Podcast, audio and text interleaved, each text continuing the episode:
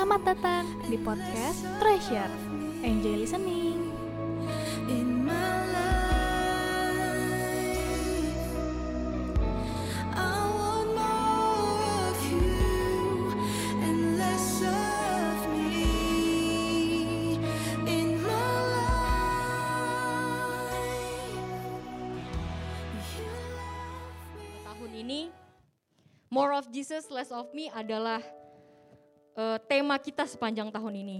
Sama-sama kita bisa memulai segala sesuatunya dengan pola pikir yang benar gitu ya. Kalau ngelihat temanya nih sebenarnya kayaknya aduh more of Jesus, Tuhan Yesus lebih besar lagi. Gua harus semakin kecil. Gua semakin gak penting gitu loh dalam hidup ini tapi Yesus yang semakin lebih penting. Kalau dipikir-pikir secara logika kayaknya ini berat ya buat kita ya. Jadi satu beban gitu dalam kekristenan. Makanya kenapa ada smiley face diakhiri dengan smiley face?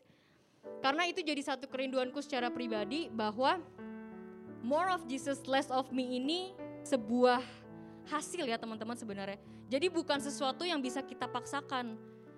Tapi harus kita lakukan dengan kerelaan. Banyak sekali kita mendengar bahwa menjadi orang Kristen itu menderita gitu kan. Tapi sayangnya kita terkadang suka salah salah nangkep gitu, salah salah paham. Jadi akhirnya kita ngerasa hidup jadi pengikut Kristus tuh bukan sesuatu yang menyenangkan gitu. Kita merasa kayaknya beban semuanya tuh kayaknya banyak banget tanggung jawabnya, kayaknya ngelakuin ini salah, ngelakuin itu salah. Yang menyedihkannya adalah kita sering kali mengesampingkan kebahagiaan kita di dalam mengikut Kristus. Padahal kebahagiaan itu sangat penting. Kenapa sih sulit konsisten teman-teman? Ya karena sesimpel kita nggak rela ngelakuinnya. Misalkan masih sering banget susah konsisten di saat teduh. Kenapa sih gitu? Sesimpel ya karena teman-teman nggak happy melakukannya gitu aja sih intinya kan. Makanya kenapa aku rindu mau mengajak teman-teman youth glow eh, kita harus sampai di titik menemukan kebahagiaan ketika kita mengikut Kristus bukan kebahagiaan secara lahiriah, maksudnya kita dapetin hal-hal jasmani, kita dapat berkat, bukan.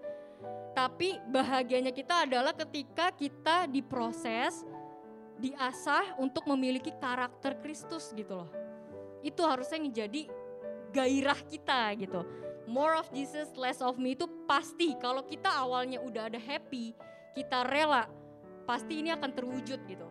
Ya jadi balik lagi tapi ke individu kita masing-masing nih sekarang kita akan semakin berbahagia dan rela dalam perjuangan iman ini ketika kita mengalami Tuhan. E, mengalami Tuhan tuh kayak gimana sih? Apakah kita mengalami Tuhan itu dengan saat teduh, dengan datang ibadah, dengan mengambil hikmah dari segala sesuatu yang terjadi dalam hidup kita? Apakah itu mengalami Tuhan? Apakah kita sudah melakukan itu sepanjang tahun kemarin, mungkin 2020? Kalau sudah bagus, itu salah satu cara kita mengalami Tuhan lewat saat teduh, lewat kita beribadah, lewat komsel, lewat pemuritan. Itu salah satu untuk kita mengalami Tuhan. Sebenarnya selalu ada kesempatan untuk Tuhan mengizinkan kita mengalami pribadinya, tapi sering kali kita yang miss itu gitu. Makanya sampai sekarang uh, bukan untuk menjadi intimidasi ya teman-teman ya. Kita kita berkaca, aku juga ngomong sama diriku sendiri, apakah sampai detik ini harusnya kayaknya progres gue lebih dari ini deh dalam kekristenan, dalam iman gue. Tapi kenapa ya sampai detik ini kayaknya masih di sini, masih salahnya tuh di situ-situ lagi gitu. Ya mungkin permasalahannya adalah aku kurang mengalami Tuhan secara pribadi. Padahal Tuhan selalu menyediakan kesempatan yang sebenarnya buat kita mau apa pun yang udah kamu lakukan sebelum-sebelumnya, mau keluarga kamu kayak gimana, nggak ada yang karena oh karena dia pendeta dia lebih banyak menerima kemurahan. Tidak. Sama semuanya. Selagi masih ada kesempatan tuh semua sama. Tapi tergantung kita nih. Tuhan maksudnya kita, kita tuh mau nggak sih mengalami dia secara pribadi lebih lagi? Ketika kita tidak mengalami keindahan Tuhan kita nggak akan happy ikut Tuhan. Makanya kenapa penting kita sendiri nih pribadi lepas pribadi. Jangan tunggu ketika kita komsel baru kita ngalamin Tuhan, ketika kita lagi ibadah kita baru ngalamin Tuhan. Enggak, tapi justru dari keseharian kita sendiri akan selalu ada lebih banyak hal mengenai Allah untuk dinikmati. Akan selalu ada teman-teman. Hari ini kita menikmati, besok ada lagi. Nggak akan pernah kehabisan kita tidak menikmati Tuhan tuh nggak, nggak, nggak akan pernah. Jadi selalu setiap hari tuh ada hal-hal yang wah Tuhan, gue amazed banget ya sama Tuhan. Walaupun tidak selalu nyaman buat kita. Makanya sekarang teman-teman eh, di podcast kita ada segmen baru ya namanya Heart to Heart. Nah itu tujuannya apa sih? Kita semua pasti punya cerita hidup yang di mana kita di situ pasti mengalami Tuhan, mengalami pertolongan Tuhan, mengalami pemulihan dari Tuhan dan makanya kenapa ada wadah itu supaya teman-teman di sini youth kita sama-sama memberkati bukan lewat cerita orang lain tapi dari cerita hidup kita loh. Kita punya banyak segudang cerita untuk kita ceritakan tentang apa yang Yesus kerjakan dalam hidup kita. Apa sih eh, praktik mengalami Tuhan yang mungkin sering kali kita belum lakukan nih? Yang pertama ya, khotbahkan dirimu sendiri. Ibaratnya jangan kebanyakan nilai orang dulu, khotbahin diri lu sendiri gitu. Ketidakbahagiaan dalam hidup kita muncul karena kita lebih sering mendengarkan diri kita sendiri daripada berbicara kepada diri sendiri. Sekali lagi ya, ketidakbahagiaan dalam hidup kita muncul karena kita lebih sering mendengarkan diri kita sendiri daripada berbicara kepada diri sendiri. Pikiran yang pertama kali muncul di pagi hari itu teman-teman biasanya apa sih?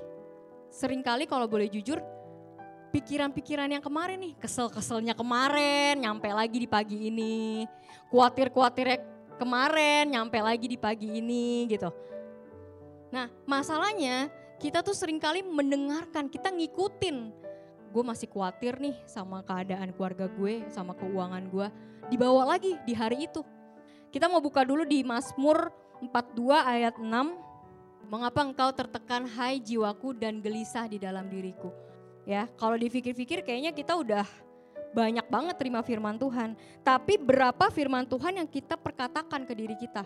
Ketika mulai ada khawatir, ketika mulai ada kesel sama orang. Apa yang kita katakan sama diri kita? Kita sering kali cuman denger nih. Cuman puas dengan oh gue harus jujur sama diri gue. Oke gue kesel gitu kan. Terkadang firman yang udah kita terima tuh nggak kita khotbahin gitu loh ke diri kita. Sebenarnya pemazmur ini ngajarin bahwa kita harus ngomong sama diri kita ketika kita ngalamin perasaan itu jangan ngikutin kayak ya udah gue pengen sedih hari ini. Akhirnya ujung-ujungnya firman Tuhan yang udah kita terima kita udah renungkan nggak hidup. Ketika gini ketika misalkan kita kesel ya sama orang ada orang yang mengecewakan kita. Eh, di dalam hati kita ya secara jujur kita kesel lah pokoknya. Terus kita sering kali apa sih responnya? Sesimpel ini kita terkadang ah udahlah cukup tahu gue gitu daripada gue ngebales daripada gue main fisik ya udah cukup tahu aja. Padahal Firman bilang apa? Sangat jelas kasihilah dengan cara apa? Mendoakan salah satunya. Teman-teman lakukan nggak? Tapi sering kali kita ngikutin diri kita yang diomongin di otak kita udah deh ya udah ya udah gue nggak bales gitu. Tapi gue cukup tahu aja gue nggak bakal berurusan lagi sama dia ya kan? Itu standar orang dunia kayak gitu. Nggak maksudnya itu bukan sesuatu yang mencerminkan kita orang-orang yang udah ditebus sama Tuhan Yesus gitu. Tahun ini mumpung kita masih di awal ya kita bener-bener yang gue lakukan itu bukan apa yang dianggap dunia ini sekedar baik. Jangan sampai kita punya pola pikir itu ya. Tuhan mati buat kita bukan supaya kita jadi orang baik. Tapi Tuhan rindu kita kembali ke rancangan yang semula yaitu serupa dan segambar sama Tuhan. Artinya karakter kita standarnya ngikutin Tuhan Yesus. Apa yang dia udah lakukan bukan cuma sekedar baik secara moral dunia. Kita harus bisa menangani dan mengendalikan diri kita sendiri. Kita harus secara aktif mengingatkan diri kita tentang siapa Allah, apa yang telah Allah perbuat dalam hidup kita, dan apa yang ia janjikan untuk lakukan. Apa pun yang terjadi, ingat aja siapa Tuhan di dalam hidup kita. Ingat aja siapa pemilik hidup kita, apa yang dia sudah perbuat dan apa yang ia akan perbuat buat hidup kita. Be sure with your identity in Christ. Nah ini permasalahannya terkadang kita sering diombang-ambingkan dengan keadaan dunia ini. Bisa dibilang kita krisis identitas gitu. Padahal yang namanya identity tidak akan merubah segala sesuatu walaupun keadaan kita berubah, walaupun orang-orang di sekitar berubah, kita akan tetap jadi orang yang sama. Jangan sampai berpikir bahwa firman yang Tuhan kasih buat kita itu nggak bisa dilakuin. Terkadang gini, misalkan ya kita udah ngelakuin yang tadi nih, kita khotbahin diri kita sendiri ketika ada hal yang terjadi, terus kita ngomong, misalkan aku khawatir, berharap aja sama Tuhan, gak usah khawatir, burung-burung di udara aja Tuhan pelihara, hidup lu pasti dipelihara. Misalnya kayak gitu ya. Tapi kemudian ada pikiran selanjutnya, nah ini aku share apa yang aku alami juga ya. Ah tapi gimana bisa gua gak khawatir. Terkadang kita ada tembok lagi gitu loh, setelah kita udah inget firman nih, kemudian kita langsung mikir, ah gue gak bisa kayaknya gitu loh. Ah gue gak bisa, kenapa sih? Karena kita sering kali gak yakin dengan identitas yang udah Tuhan kasih ke kita. Sehingga kita merasa firman Tuhan itu, perintah-perintah Tuhan itu sulit. Roma 6 ayat 5 sampai 6 dan Efesus 2 ayat 5, kamu udah mati bersama Kristus dan kamu juga sudah dihidupkan bersama Kristus. Ada ayat Roma 6 ayat 11, makanya firman berkata kamu harus hidup bagi Allah. Karena identitas yang udah Tuhan kasih ke kita adalah kamu sudah mati bersama dengan Kristus. Artinya manusia lama kita sebenarnya udah mati. Kamu udah dihidupkan bersama Kristus. Makanya ada ayat, ada firman Tuhan lagi datang ke kita, carilah perkara yang di atas karena kamu udah dihidupkan bersama dengan Kristus. Terus ada apa lagi? Identitas yang Tuhan kasih ke kita. Kamu sudah dikuduskan dalam Kristus. Makanya ada perintah Tuhan yang bilang, hendaklah kamu menjadi kudus dalam seluruh hidupmu. Terus ada apa lagi? Identitas yang Tuhan kasih. Kamu adalah terang dunia ini yang paling sering kita dengar ya. Makanya di Matius 5 ayat 16 ada lagi firman yang ngomong biarlah terangmu bercahaya. Nah jadi semua firman yang Tuhan kasih ke kita itu bukan sesuatu yang nggak bisa kita lakukan. Kita nggak akan pernah bisa lakukan karena kita pakai usaha sendiri, karena kita pakai cara pikir kita sendiri. Sebenarnya semuanya itu Tuhan kasih karena kita udah punya identitas itu. Identitas kita, identitasku adalah apa kata Tuhan, bukan apa kata orang lain, bukan dari keluargaku, bukan dari masa laluku yang membentuk identitasku, tapi semua identitasku adalah apa kata Tuhan. Itu yang perlu kita terus omongin. Jangan takut untuk ngelakuin firman Tuhan. Kamu tetap jadi diri sendiri kok ngelakuin firman Tuhan. Jadi jangan takut gue akan jadi orang lain ketika gue belajar taat sama Tuhan. Kayaknya bukan gue deh. No, no, no, no. Jangan di, jangan mudah ditipu sama iblis ya. Gitu. Jadi sebenarnya ketika kita melakukan firman, kita lagi menjadi diri sendiri sebenarnya. That's who I am. That's who you are. Ketika dalam gelap, apakah kita masih mungkin mengalami Tuhan? Seberapa banyak dari kita yang ketika melakukan dosa, kita malah menjauh dari Tuhan. Kayak Adam dan Hawa ngumpet, kayak si anak bungsu yang dari gue kabur gitu loh. Berapa banyak dari kita yang kayak gitu dan ini yang sebenarnya iblis girang banget kalau kita tuh kayak punya respon yang kayak gini nih. Karena kita merasa ketika kita jatuh dalam dosa, Tuhan tuh lagi ada di lawan kita gitu. Kita mau belajar dari Nabi Mika ya teman-teman. Bagaimana kita mau punya rasa bersalah yang benar. Eh, boleh dibuka Mika 7 ayat 8 sampai 9. Di dalam ayat 8, jangan bersuka cita atas aku, hai musuhku. Nabi Mika ngomong kayak gitu. Mungkin dalam kehidupan kita musuh kita iblis. Iblis kan mainnya di pikiran ya teman-teman. Terus kayak kita langsung ngerasa, tuh kan lu jatuh lagi. Lu baru kemarin sharing lu kayak gitu lagi. Terus Mika bilang apa? Sekalipun aku jatuh, aku akan bangun pula. Kita harus akui bahwa Tuhan sering kali aku lalai. Karena balik lagi dosa bukan ketika kita nyolong, bukan ketika kita gosip, bukan. Tapi ketika pikiran kita sedikit aja menyeleweng dari apa yang Tuhan mau, udah satu kejahatan di mata Tuhan. Selama 2021 ini ketika nanti teman-teman mengalami keselengkat lah gitu lah ya, let's say teman-teman keceplosan, mungkin marah-marah, akhirnya mengeluarkan kata-kata yang sia-sia ke orang lain. Mungkin teman-teman ngejutekin orang tua. Teman-teman mungkin di hari-hari ini lagi ngalamin di mana teman-teman kayaknya lagi apa ya, antara ada gairah dan tidak gitu di dalam Tuhan. Itu bisa kita katakan itu masa-masa gelap dalam hidup kita sebenarnya. Itu masa-masa jatuhnya kita. Tapi Mika bilang di BMK-nya, sekalipun kita jatuh, kita akan bangkit lagi. Sekalipun kita berada dalam gelap, tapi Tuhan akan menerangi kita. Dan di ayat 9 dia bilang gini di BIMK-nya. Kita udah berdosa sama Tuhan karena itu sekarang kita harus merasakan kemarahannya. Teman-teman lihat ya, ucapannya dia sama sekali tidak ada komplain ya. Si Nabi Mika ini mengakui dosa dan melihat betapa seriusnya dosa itu. Sehingga dia tidak mempertanyakan kasih Tuhan, dia malah bilang kita harus menanggung murka Tuhan. Ketika Tuhan marah, marahnya Tuhan itu seperti disiplinnya seorang bapak ke anaknya, bukan seorang hakim ke terdakwa. Bahwa ketika kita diizinkan Tuhan nih mengalami penderitaan bahkan karena dosa kita loh. Bukan karena ujian dari Tuhan, kita menderita karena pilihan-pilihan kita yang salah di masa lalu.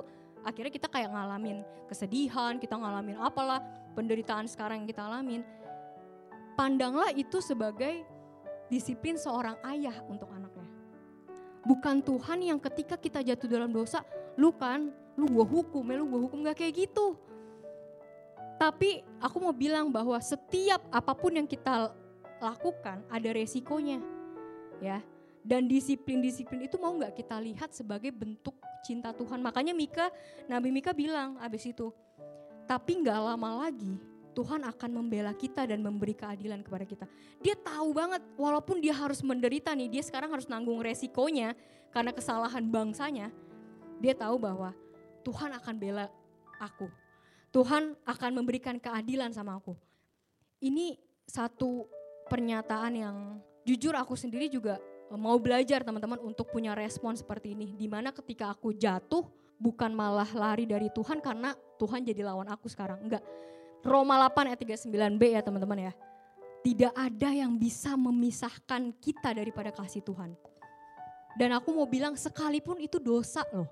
Sebenarnya tidak ada, tidak ada yang membuat kasih Tuhan tuh terputus dari kita nggak ada sebenarnya. Tapi itu semua di pola pikir kita, ah enggak, gue nggak mau ah, gue nggak mau. Akhirnya kita yang kayaknya rasanya mati, udah nggak peka lagi dengan dengan perbuatan Tuhan yang sebenarnya setiap hari dia bekerja dalam hidup kita. Teman-teman saat ini yang apa pun yang teman-teman lagi alamin ya, tetap alamin kasih Tuhan. Dia Allah yang tidak pernah meninggalkan kamu, dia Allah yang selalu menopang kamu.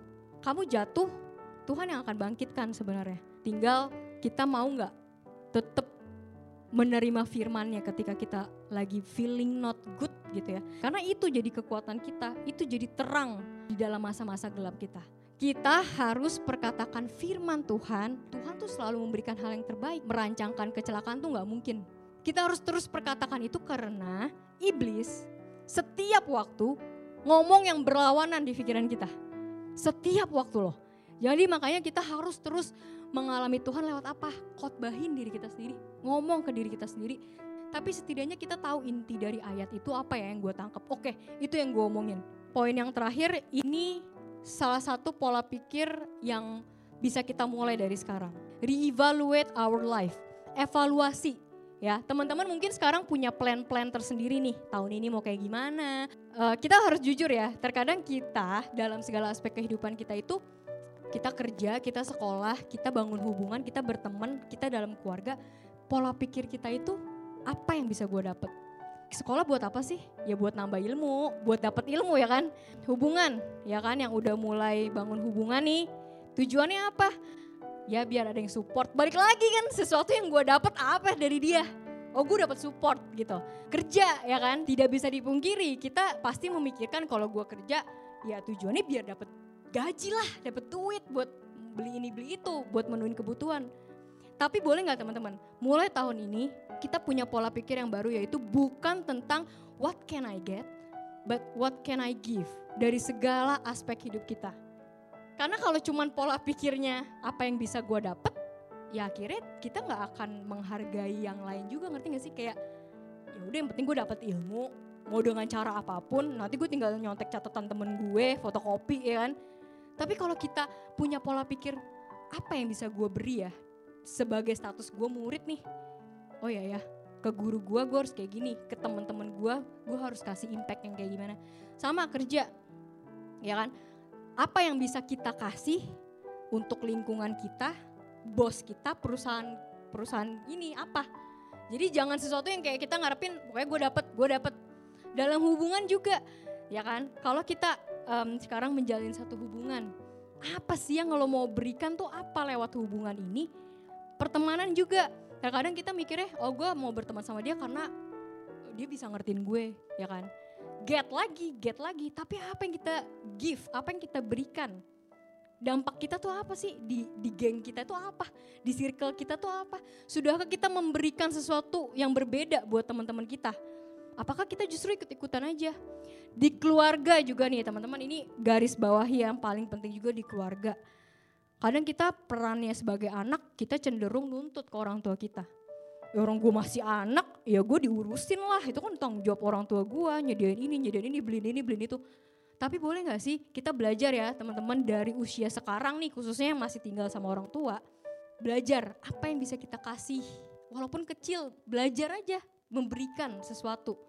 Kita bantu apa? Kita buka ayatnya yuk di 1 Timotius 6 ayat 17 sampai 19. Peringatkanlah kepada orang-orang kaya di dunia ini agar mereka jangan tinggi hati dan jangan berharap pada sesuatu yang tak tentu seperti kekayaan, melainkan pada Allah yang dalam kekayaannya memberikan kepada kita segala sesuatu untuk dinikmati. Peringatkanlah agar mereka itu berbuat baik, menjadi kaya dalam kebajikan, suka memberi dan membagi, dan dengan demikian mengumpulkan suatu harta sebagai dasar yang baik bagi dirinya di waktu yang akan datang untuk mencapai hidup yang sebenarnya. Jadi teman-teman eh, berapapun usia kita, kita mau belajar eh, mental kita harus mental memberi ya. Jadi jangan semuanya tuh ngarep, gue untungnya apa? Gue pelayanan dapat apa? Tapi berikan apa yang bisa gue lakukan untuk nyenengin hati Tuhan lewat hubungan gue sama keluarga, lewat pekerjaan gue, lewat sekolah gue apa gitu ya. Jadi not what can I get, but what can I give? What can I give? Ya kiranya tahun ini kita semua belajar untuk punya pola pikir ini. Ya dimulai dari hal kecil di kehidupan kita, oke? Terima kasih sudah mendengarkan podcast hari ini. Tuhan memberkati.